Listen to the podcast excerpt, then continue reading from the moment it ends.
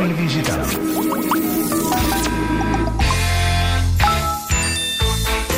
Aquesta ha estat una setmana tecnològicament molt activa després que hem sabut que Facebook instal·larà a la Torre de les Glòries un centre per combatre les notícies falses. En podríem dir la Torre de la Veritat, una notícia que volem comentar amb els nostres experts digitals, Albert Murillo, Albert Cuesta, Mariola Dinarès i Genís Roca. Molt bon dia. Bon dia. Bon dia. Us agrada això de la Torre de la Veritat?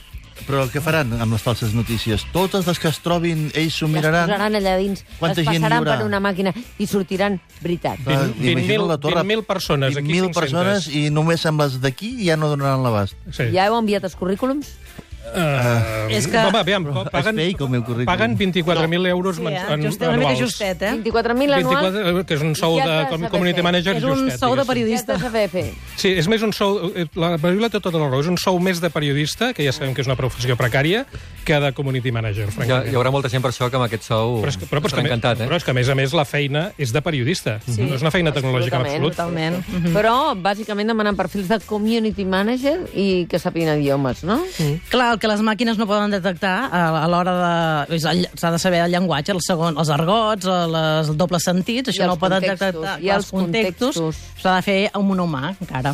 Ah, Això, eh, perdona'm, eh, ahir eh, tota aquesta notícia, tota la gent que comentava coses positives, em vaig quedar amb un tuit de l'Elias Campo, que treballa a Telegram, que havia treballat a WhatsApp, i deia, eh, no ens deixem enganyar, aquests llocs de feina són de poca qualitat. Juntament amb el magatzem d'Amazon posicionen la ciutat com a simple proveïdor de mà d'obra barata. Són irrellevants en la direcció estratègica de la companyia i la indústria. És evident que ell va treballar eh, a l'empresa justament que era bé i que va sortir d'aquella manera, però em va semblar curiós, l'única no, nota negativa ahir a les xarxes va ser d'ell. L'empresa es diu Competence Call Center. Mhm. Per tant, és un call center sobre competència, no? És un call center que tu eh, trasllades, subcontractes una de les competències de la teva empresa amb, un, amb, una, amb una empresa externa, sí. I Facebook ha triat Barcelona per alguna raó en concret? Albert Cuesta? Sol i platja. Sí, és el sol. La gent vol venir a viure a Barcelona. Sol, platja i tapes. Eh, Vull dir que és el pel que els estrangers venen aquí. Escolta, i... perdona, som alguna cosa més, eh, que un lloc on estirar-se. Després ja quan arriben aquí ja ho veuen, que són més coses que sol. Per favor, eh? La feina del A veure, caçador què de- volem, què volem? Ser el Silicon Valley del sud d'Europa? Uh, jo diria que tenim Però un... si som la manc- seu del tenim món del mòbil del Silicon món Valley mundial. fa- que també està aquí perquè tenen unes bones instal·lacions hoteleres i d'hospitalitat. Bueno, i perquè Barcelona I és perquè referència és- en el món de, de la tecnologia, tu, que per alguna cosa som la capital del mòbil, no? Sí, sí, estem fent llista. Fixeu-vos les coses que, ens, que han sortit fins ara. No, vull D'aquí dir, hi ha és un munt de raons per les quals... Sí, passa que el- sector tecnològic el que diu que és, eh, és dintre d'aquesta Hi ha el campanya... pop-up, ha el pop-up. Dins d'aquesta campanya de Zuckerberg que està fent, que cada dia està dient tenim 15.000 persones que vetllen perquè eh, no hi hagi fake news, no? Clar, i una mica és dins de la onada aquesta d'aquesta campanya també publicitària de Zuckerberg eh, contractant persones, no? I Saps què passa amb tot un- això de les fake news de, de, de Facebook? Que en realitat les fake news, i ells ja les poden intentar aturar dins de Facebook, però en realitat les fake news es propaguen per WhatsApp. Vull dir que és igual. Sí. Es propaguen a tot arreu. I Sobretot What- si i WhatsApp- en publicar coses que després, eh, encara que les desmenteixis, no serveix de res. Clar, i així, si això t'ha arribat per un grup de WhatsApp dels pares de l'escola, què? És, i, això, I a més pensa que What- eh, Facebook poden mirar què és el que estàs publicant perquè ho fas públic, però WhatsApp està xifrat, Però vull dir que ni encara que volguessin. Mira, a, aprofito per dir una noticieta molt petita de, de WhatsApp, que el que farà WhatsApp a partir d'ara, que està molt bé això, és posarà unes banderetes de colors i quan eh, algú t'enviï, això és una cosa que encara estan experimentant però encara no ha sortit, quan algú t'enviï una cadena d'aquestes que no està contrastada, et diran, alerta, això que estàs a punt de compartir pot ser que sigui una fake news, pot ser que sigui una cadena que no està contrastada. Volen categoritzar una mica aquests Doncs missatges això que ens arriben. Està molt bé, no? És... Hi ha, un, hi ha una idea que m'interessa molt, que és si realment aquestes plataformes, que fins ara sempre s'havien presentat com a plataformes i no com a mitjans de comunicació, però si aquestes plataformes tenen la capacitat d'editar un contingut, d'editar i decidir què publica i què no publica, ja no és una plataforma, és un mitjà de comunicació. I si és un mitjà de comunicació, s'haurien de plegar a les regles i normes deontològiques i legals d'un mitjà No, de per això comunicació. jo ahir, quan en parlàvem d'això, que vam parlar amb l'Albert Cuesta i també vam parlar amb l'Ajuntament de Barcelona, deia, fora bo que si realment la Torre de les Glòries es converteix en un espai on si Facebook, a les companyies, el que sigui, s'hi apleguen al voltant d'aquesta recerca de la veritat i d'intentar que no estigui contaminada la comunicació, es podria convertir en un lloc de referència, en un, que hi hagués el Col·legi de Periodistes, que hi hagués el Consell de l'Audiovisual, i també altres, altres entitats que es dediquen a vetllar perquè a través dels mitjans de comunicació no circulin falsedats, no? Això, però quan parles amb ells, ells diuen nosaltres no som un mitjà de comunicació, som una plataforma. Sí, i és, que és, sí, cada cop sí, s'espolsa la responsabilitat. Cada cop sí. s'ha delatat Una més. plataforma comunicativa. Són un eh? mitjà de comunicació i això té unes regles de joc. Anem a respondre consultes dels nostres oients. Envia'ns un correu electrònic a matí arroba catradio.cat. Deixa el teu missatge a facebook.com barra el matí de Catalunya Ràdio o a twitter.com barra matí catradio. O fes una nota de veu al telèfon 607 07 09 23. Repetim, 607 07 09 23. O truqueu-nos al 93 201 7474, que ens agrada molt sentir-vos en directe. I la Núria Ventura està esperant les vostres trucades. Anem a la primera consulta. Hola, em dic Mireia i estic una mica farta que tothom enviï les mateixes bromes als grups de WhatsApp. Què en sabeu del missatge aquest de la bomba negra? Ens hem de preocupar? Perquè si cliques, què passa? Hi ha alguna manera de detectar que sigui una mentida? A veure, Mariola, explica'ns-ho això. M'he trepitjat una mica a mi mateixa, perquè ja us he explicat una mica les novetats de WhatsApp. Però bé, uh, efectivament, els últims dies ha circulat amb molta força un missatge que diu si toques el cercle negre de WhatsApp, mm, és en castellà, diu se te quedarà pillado. En castellà, amb un emoji d'una mà assenyalant una bola negra, com si fos una bomba, no? És una broma viral. De fet, amb el missatge tens ganes de tocar la bola negra. Si hi cliques, se't bloqueja efectivament el WhatsApp, però surts i pots tornar a entrar sense problemes. No se sap qui ha fet aquesta brometa, però es basa en un missatge que amaga una gran quantitat de caràcters que l'aplicació no pot processar i fa que es bloquegi. Si vols veure a la llista d'aquests caràcters que hi apareix, fa allò, no?, d'agafar, un enganxar, eh, a, per exemple, a un bloc de notes o un lloc que no tingui, que no tingui codi i veureu que són tot unes lletres així, així estranyes. Per tant, eh, és una brometa que fa la gent que per dir jo en sé més que tu i et puc fer això a WhatsApp, no? És a dir que... I, i d'altra banda, eh, això, l'apunt aquest de, que s'ha filtrat que WhatsApp està treballant en aquestes banderetes que assenyalaran quan rebis un missatge que s'està compartint molt i no està clar que sigui cert. Això s'està rumorejant molt. La veritat, aquests dies és veritat, passa qualsevol cosa. És el dia de la mare. Eh, Arriben les mateixes bromes, les mateixes imatges. eh, O sigui, realment, jo mira, estava en un lloc on va arribar una, una imatge de, del Paquirrin, no sé si l'heu vist, és un muntatge que diu tenen la, mate la diferent mare, mateix pare. Són dos nois que són superdiferents, un guapíssim i l'altre no tant, no? I hi havia aquella, aquesta broma. Quan l'estava mirant, darrere meu hi havia un grup de gent que estava comentant que acabaven de rebre aquest mateix missatge que jo havia rebut. O sigui, és global i les mateixes bromes. M'enorgulleix dir que no l'he rebut. Doncs es dec una bombolla diferent això, que la meva. això, de, això és una fake news, de fet, no? És una notícia falsa, un, un bulo, un rumor... Sí. Ah, O una broma. brometa, és que- una brometa, mira. una broma. Però, però, eh, igual aquests de Facebook, ara amb això de la torre de la veritat que deies, Mònica, igual fan una, un, una emoticona que sigui la, la, la torre blava aquesta...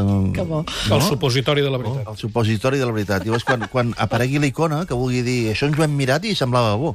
Home, tenir, una, tenir Barcelona no? situada a Europa com a un espai on hi ha la Torre de la Veritat, home, està bé, Sí, no? està bé, està com a bé. icona. Sí, sí, de, de veure-la i dius... No, no puc Ja, aquí entitat. dins hi ha tots els organismes que es dediquen a intentar que les xarxes i la comunicació estigui vigilada. I jo l'estic veient i he de dir la veritat, també. Bueno, i té un efecte... Inspi inspirador. Estem inspirant, estem inspirant. Home, a Londres, que n'hi ha una altra a Londres, no?, semblant. Però no és la de la veritat. Truth Tower. És la Truth mentida. Tower. Per pura lògica, ha de ser la de la mentida. És Tenim- condueixen per l'esquerra, vull dir que, en fi. Ja la... Escolta, cap problema, es condueix molt bé per l'esquerra, eh? Van al revés. I, I surten de la Unió Europea. Va. Va. Tenim un correu de l'Ignasi Roureda que des de Torre d'Embarra passo a llegir-vos. Hola, companys del consultori. He hagut de consultar el fòrum d'assistència tècnica d'un programari que fem servir als ordinadors de la meva empresa i, malgrat que parlo anglès perfectament, no he aclarit gran cosa, perquè molts dels missatges de resposta inclouen sigles que no entenc, com TOS, RTFM, IMHO, PECBAC... Escolteu, em podeu aclarir què volen dir, si us plau? A veure, cuesta. Què li diem a l'Ignasi? T Doncs- o en minúscula S, tos. Uh, mira, aviam, aquest costum d'escriure en clau té un motiu tècnic, i és que a començament d'internet les connexions eren lentes i, a més a més, pagaves per bit transmès. Llavors, els primers internautes el que feien era abreujar-ho tot eh, per estalviar lletres, una mica com els telegrames, no? Això ha passat a la història perquè ara tenim ample de banda l'engròs i, a més, hi ha els emojis, però als fòrums d'usuaris més veterans, com deu ser aquest, encara hi ha el costum. Uh, el RTFM, una de les que ha dit, A veure, És- RTFM. són les sigles de Read the fucking manual, o sigui, llegeix el puto manual d'instruccions. Quan algú Vaja. pregunta, diu, pregunta, com funciona això? Diu, haver-te llegit el manual. L'únic català que ha llegit manuals Va, d'instruccions ets això, tu, eh? això m'agrada molt, m'agrada molt. Unes altres. E P-E-B-K-A-C. Això són Eh, les sigles CAC. de Problem exist between keyboard and chair. És a dir, El hi ha un problema entre el teclat i la cadira. És, és la manera elegant de dir-li al tio que t'està preguntant escolta, que ets tu que no te n'assabentes, que ets un inútil. Ha alguna d'amable, si us plau? Sí, perquè- I-M-A-C-O. I M.A.C.O. vol dir amb la meva modesta opinió. In my humble opinion. Molt bé. I els, I, i T-O-S... els TOS són els Terms of Service, que són les condicions de servei, és a dir, la lletra menuda aquella que no llegim mai. Uh, a veure, el- l'Ignasi ens ha proposat, l'oient es diu Ignasi, oi? Sí, sí, Eh, Ignasi ens, Roureda. ens ha proposat quatre sigles que són molt habituals als fòrums d'internet, però jo n'hi n'hi- n'hi he rescatat unes quantes Sí. més, que les dues primeres es poden aplicar precisament a documents llargs com els TOS, com les condicions de servei. N'hi ha una que és TLDR, que vol dir massa llarg, no ho he llegit. I una altra que es diu Bluff, B-L-U-F, que vol dir bottom line up front, que vol dir el resum i les conclusions, posa-les al començament, que vendria a ser l'aplicació del el periodisme d'això seria la famosa piràmide invertida de les notícies. Més, més, que són molt divertides. L-O-L, que aquesta es fa servir molt, és laughing out loud, que vol dir riallada. O sigui que se n'estan fotent de tu. Molt I, bé. no- i, no- o, o, et conviden a riure. Sí, sí, sí, I n'hi ha una altra que és R-O-T-F-L, que vol dir pixar-se de riure. Vale. Aquesta me l'apunto, m'agrada. Eh? Sí, a- a- en anglès vol dir... For your interest o for your information, que aquesta sí que la fem servir més tot. F-Y-I, for you- per, per la teva informació. ASAP és as soon as possible, vol dir tan aviat com sigui Sí. possible. Horrorosa, aquesta. aquesta Fes-ho sí, sí. fes cagar No llets, diguéssim. No possible. Sí, Una que és mítica, que és... Això és molt do- de jefe, no? Sí, sí, Sí. sí. Oi? Tranquil, escolta'm. For your interest. Sí. ASAP. ASAP, Doncs hi ha TLDR. M'agrada aquesta. TLDR, sí. Llavors hi ha WTF, que vol dir Aquesta és la resposta. what the fuck, sí, que vol dir què carai. Ah, que carai, molt bé. M'agrada molt aquesta... Que carai. O, OMG, oh my god. Tu a l'olla. Déu meu... És bastant divertit, això, eh? En posarem algunes Sí, sí. perquè les compartirem amb Bueno, i vosaltres. n'hi ha, algun, ha una que ha passat al- a l'imaginari popular que ja es dona títol a un programa de televisió de TV3, que és Fax. Fax. Preguntes freqüents. Això ve d'internet. M'agradaria Exactament. diries APM. Anem a més consultes. Hola, bon dia. Sóc en Joan, de Masquefa. Mira que vaig escoltar la generació digital d'aquesta setmana que han aparegut les noves ulleres de realitat virtual del Facebook i m'agradaria saber què tal són i si hi ha algunes una mica més barates, perquè que, aquestes costen 220 euros i eh, no està la festa per a bollos. Vinga, gràcies. És veritat, són barates, però són cares encara, 220 euros. Són, efectivament, les ulleres de Google, eh, de la marca Oculus. Eh, Facebook va comprar Oculus eh, fa uns anys, el 2014. I la gràcia d'aquestes ulleres és que li diuen standalone, és a dir, no necessiten connexió a cap ordinador, ni a Ni cap posa- mòbil... Ni posar el mòbil a dins. Res, eh? un amic meu diu, el francès diu que ja porten el mòbil dins, efectivament. I això fa que sigui força ràpid el fet de poder jugar o gaudir d'aquestes eh, d'aquestes pel·lis en 360. Altres opcions econòmiques. Google, aquelles de cartró, se'n recordeu que vam portar aquí fa uns anys? Sí. De 9 a 28 euros. Um, fins i tot uh, Google t'anima i t'explica de quina forma pots fer tu aquesta, aquestes ulleres um, de, de, de forma... Fer-te-les, manualment. Sí, sí, manualment. Treballs manuals. També en té unes Google que es diuen Daydream, que costen 130 euros, i eh, una de les marques més barates i que no està gens malament és Zeiss, Z-E-I-S-S, que costa 60 euros, i eh, pots posar aquest, eh, aquí sí, doncs el mòbil, eh, han de ser mòbils grans en aquest, eh, en aquest dispositiu, que no està gens malament.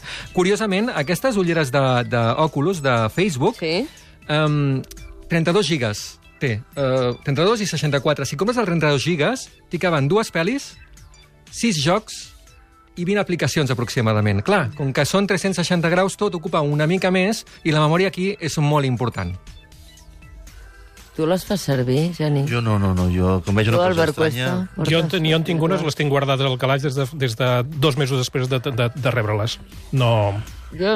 Saps què passa? Que és una experiència massa, Massa individual. bèstia. Sí, és a dir, que, que, tu t'imagines quatre persones segadors en un sofà cadascú amb les seves ulleres mirant el mateix? Jo no les faig servir, però cada vegada que he tingut una experiència amb ulleres de realitat virtual, he quedat molt al·lucinat. No, sí, sí, impacta molt. I més Molt de la gent més gran que els nanos. O Sí, sigui, sí. perquè estan més acostumats a aquestes coses, però els, els adults, realment, La sensació que he d'estar saltant per evitar que un Sí. tauró mossegui mm, m'atabala. és molt immersiu. Com la vida mateixa, com la vida mateixa. Ja, ja, És però que- per això t'ho dic, si m'he de posar les ulleres virtuals quan amb cada aquestes- dia les porto, saps? Els de veritat et mossegaran i no... Amb el dia que, començ, que ja ho portem amb lentilles, això, ja està. I Anem a una altra consulta. Hola, soy Pilar, la de siempre. Eh, bueno, tengo una, ¿Cómo la añoraba? una duda y es que eh, con- he oído muchos comentarios sobre la legislación esta que se comenzará a aplicar en Europa sobre Sí. los datos que tiene Facebook o Google de nosotros. Sí. Y me gustaría saber de qué va todo esto, si realmente nos afecta o, O no? o, no, o nada. Doncs ara t'ho expliquem i t'enyorava molt perquè la setmana passada no vas trucar, eh? M'ha fet una molt bona pregunta, Pilar, eh? Molt bona. Sí, aquesta és, És bona. la pregunta. És, va, és sí, és el molt tema, rellevant. és el. Il·lumina'ns, Molt rellevant. sisplau. El dia 25 de maig, no un dia d'aquests, el 25 de maig... Tres entra- dies després que expiri el termini per poder formar govern. El 25 de maig Cadascú amb la seva, a la seva bola. podria ser que amb govern nou, és igual, entrarà en vigor la nova llei eh, europea de protecció de dades, el Vinga. nou reglament general de protecció de dades. Au, vinga, què hem Això pensat? en diuen, en català en diem RGPD, però en anglès en diuen GDPR, perquè fan aquestes coses que explicava el Cuesta fa un moment. És la, la regulació general de protecció de dades. Han estat molts anys elaborant-la, la varen presentar fa dos anys, el I ha 2016, i finalment es presenta ara al maig del 2018, i estic molt content. És molt dura, és duríssima, és una llei forta. És, una, és la primera vegada que tenim una única legislació vigent a tot el territori europeu. Per tant, Era les d'aquí eh, queden absolutament La absorbides. famosa LOPD, la Ley Orgànica de Protecció de Dades, queda, queda diluïda. Ara la que mana és aquesta. Eh, és molt important per la nostra competitivitat que un empresari o algú que vol fer alguna cosa eh, sàpiga que té coherència legal a tot el territori. Fins I- ara estava sotmès a 28 legislacions diferents Sí. i tu aixecaves una app, per exemple, i a França havia unes condicions, a Itàlia havia unes condicions, a Catalunya havia unes condicions perquè tenim una agència de protecció de dades, a Espanya hi havia altres condicions, i a cada territori el regulador s'ho mirava i, i s'ho I atenció que la diferència d'aquesta m'explicaves, Genís, que és que així com amb les lleis europees, normalment el que fan les legislacions dels estats membres és una, el que se'n diu tècnicament una transposició de la llei, és a dir, l'adapten a Ja te l'adaptaràs? Ja te l'adaptaràs. Aquí no. Aquí les, les dels estats queden inhabilitades. A partir del 25 de maig mana aquesta, i no depèn de que el govern espanyol s'ho miri o s'ho vulgui interpretar.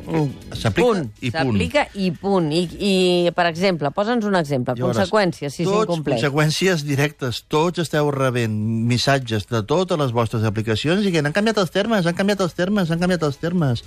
I és que ara tu has de donar consentiment express eh, a, a l'ús de dades de, per part de l'empresa. I no, ja no s'hi val allò de dir de que la, la guixeta de que estic d'acord ja estigui premarcada prèviament, l'has de marcar tu. Uh, L'empresa té l'obligació de, si tu ho preguntes, explicar-te totes les dades que té de tu, quins usos en fa, a qui les comparteix. Tu tens tot el dret a consultar això i tens tot el dret a immediatament dir no, vull, esborra-m'ho. Per exemple, a mi l'altre dia em va crear una terrible inseguretat eh, pels nostres usuaris de Twitter, despertar al matí i dir-los Perdoneu, uh, Twitter ha dit que us, um, us anima a canviar la vostra contrasenya perquè durant unes hores ha estat exposada uh, en, una, en un servidor que hi eren totes. I no té, no té constància que ningú ho hagi vist. Què vol dir no té constància? Ha de comprovar que allò no ho ha tocat ningú. Qualsevol empresa que cregui que ha tingut un problema de seguretat té un tope, un topall de 72 hores per avisar-te. Si no ho fa, estem parlant de multes de 20 milions d'euros o un 4% de la teva facturació anual. Que això és molt sèrio, eh? Penseu que aquesta llei europea és tan dura que hi ha empreses americanes que estan tancant el seu servei a Europa perquè prefereixen perdre els usuaris que complir aquestes Uh. normes. Que és molt bona pels usuaris, però sí que és veritat que hi ha petites empreses que no es podran adaptar i A hauran de tancar. Coses que ens diuen els oients mentre ens escolten. A veure, en resposta a Maticat Ràdio, a la Mariola i tres, i tres més que devem ser tots nosaltres. Torre de la veritat, diuen que un. Si el que faran serà censurar amb suposades bones intencions, però censurar.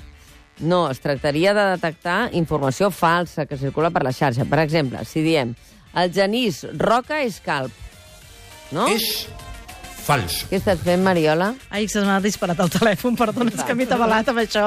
I uh, comencen a fer córrer imatges teves um, Ah, sense sense la cabell. teva meravellosa cabellera. Mm. Eh?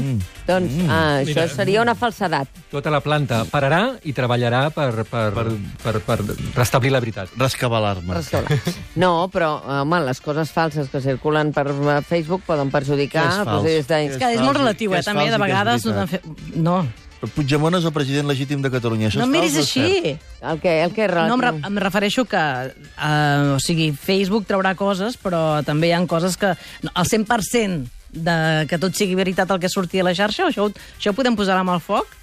Bueno, evidentment que hi haurà coses que... Però, per exemple, jo què sé, a vegades es diuen coses a les xarxes que, mm, que són mm, falses, científicament Jo falses. tinc la sensació, però... I comencen a córrer i la gent se les creu. I Està bé, llavors... que, està bé que Facebook ho intenti, està bé que faci l'esforç, està bé que porti molta gent aquí a Barcelona a treballar amb aquests temes i que ens ocupin de contingut la torre de la veritat que tenim allà a la plaça de les Glòries, mm. però un negoci global i digital com el de Facebook, mm, amb una intervenció manual d'un grup de persones que estan en un edifici concret, hi ha alguna cosa que no quadra. Eh, eh, és com si...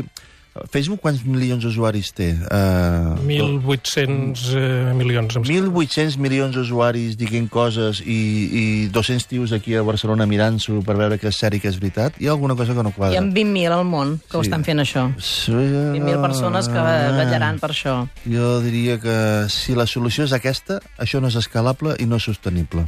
Sí que és veritat que això que diu de la censura, a vegades Facebook censura coses surre- surrealistes, ja ho sabeu, no? Vull dir que si també comencem a, a censurar, no sé, imatges a vegades boniques, però que, que Però si- el, el robot interpreta com molt sexuals i no ho són, coses d'aquestes sí que es censura. Però això vol dir que si censura, si censura, vol dir que té capacitat de censurar, i si té capacitat de censurar, hauria de tenir responsabilitat sobre allò que s'ha publicat. I una altra consulta que ens fa en Sergi Roger. Per què des de fa uns dies Instagram té tanta publicitat?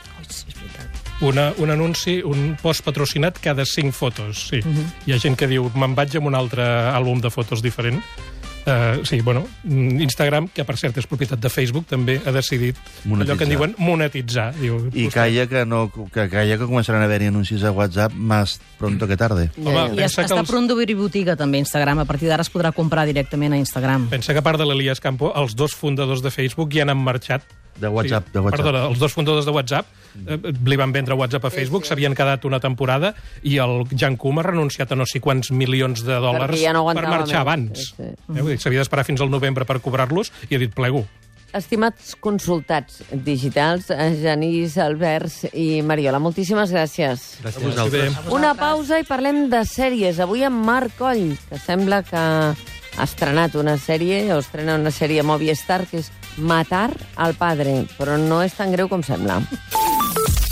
La cobertura de wifi no t'arriba a totes les habitacions de casa? No. No saps quin mòbil comprar-te? No, ara mateix no caigo, no. Vols desaparèixer de Facebook i no saps com fer-ho? Ara, Aquesta temporada, al matí de Catalunya Ràdio, obrim consultori digital. ara, ara sí! Albert Cuesta, Mariola Dinarès, Genís Roca i Albert Murillo resolen els teus dubtes. Cuanto peor, mejor para todos. Y Deixa'ns una nota de veu al WhatsApp del 607 07 09 23. Repetim, 607 07 09 23. Hi ha preguntes que no tenen resposta. O envia'ns un correu a matí arroba catradio.cat. Cada dimarts a les 11, consultori digital. Muy bien. Al matí de Catalunya Ràdio, amb Mònica Terribas.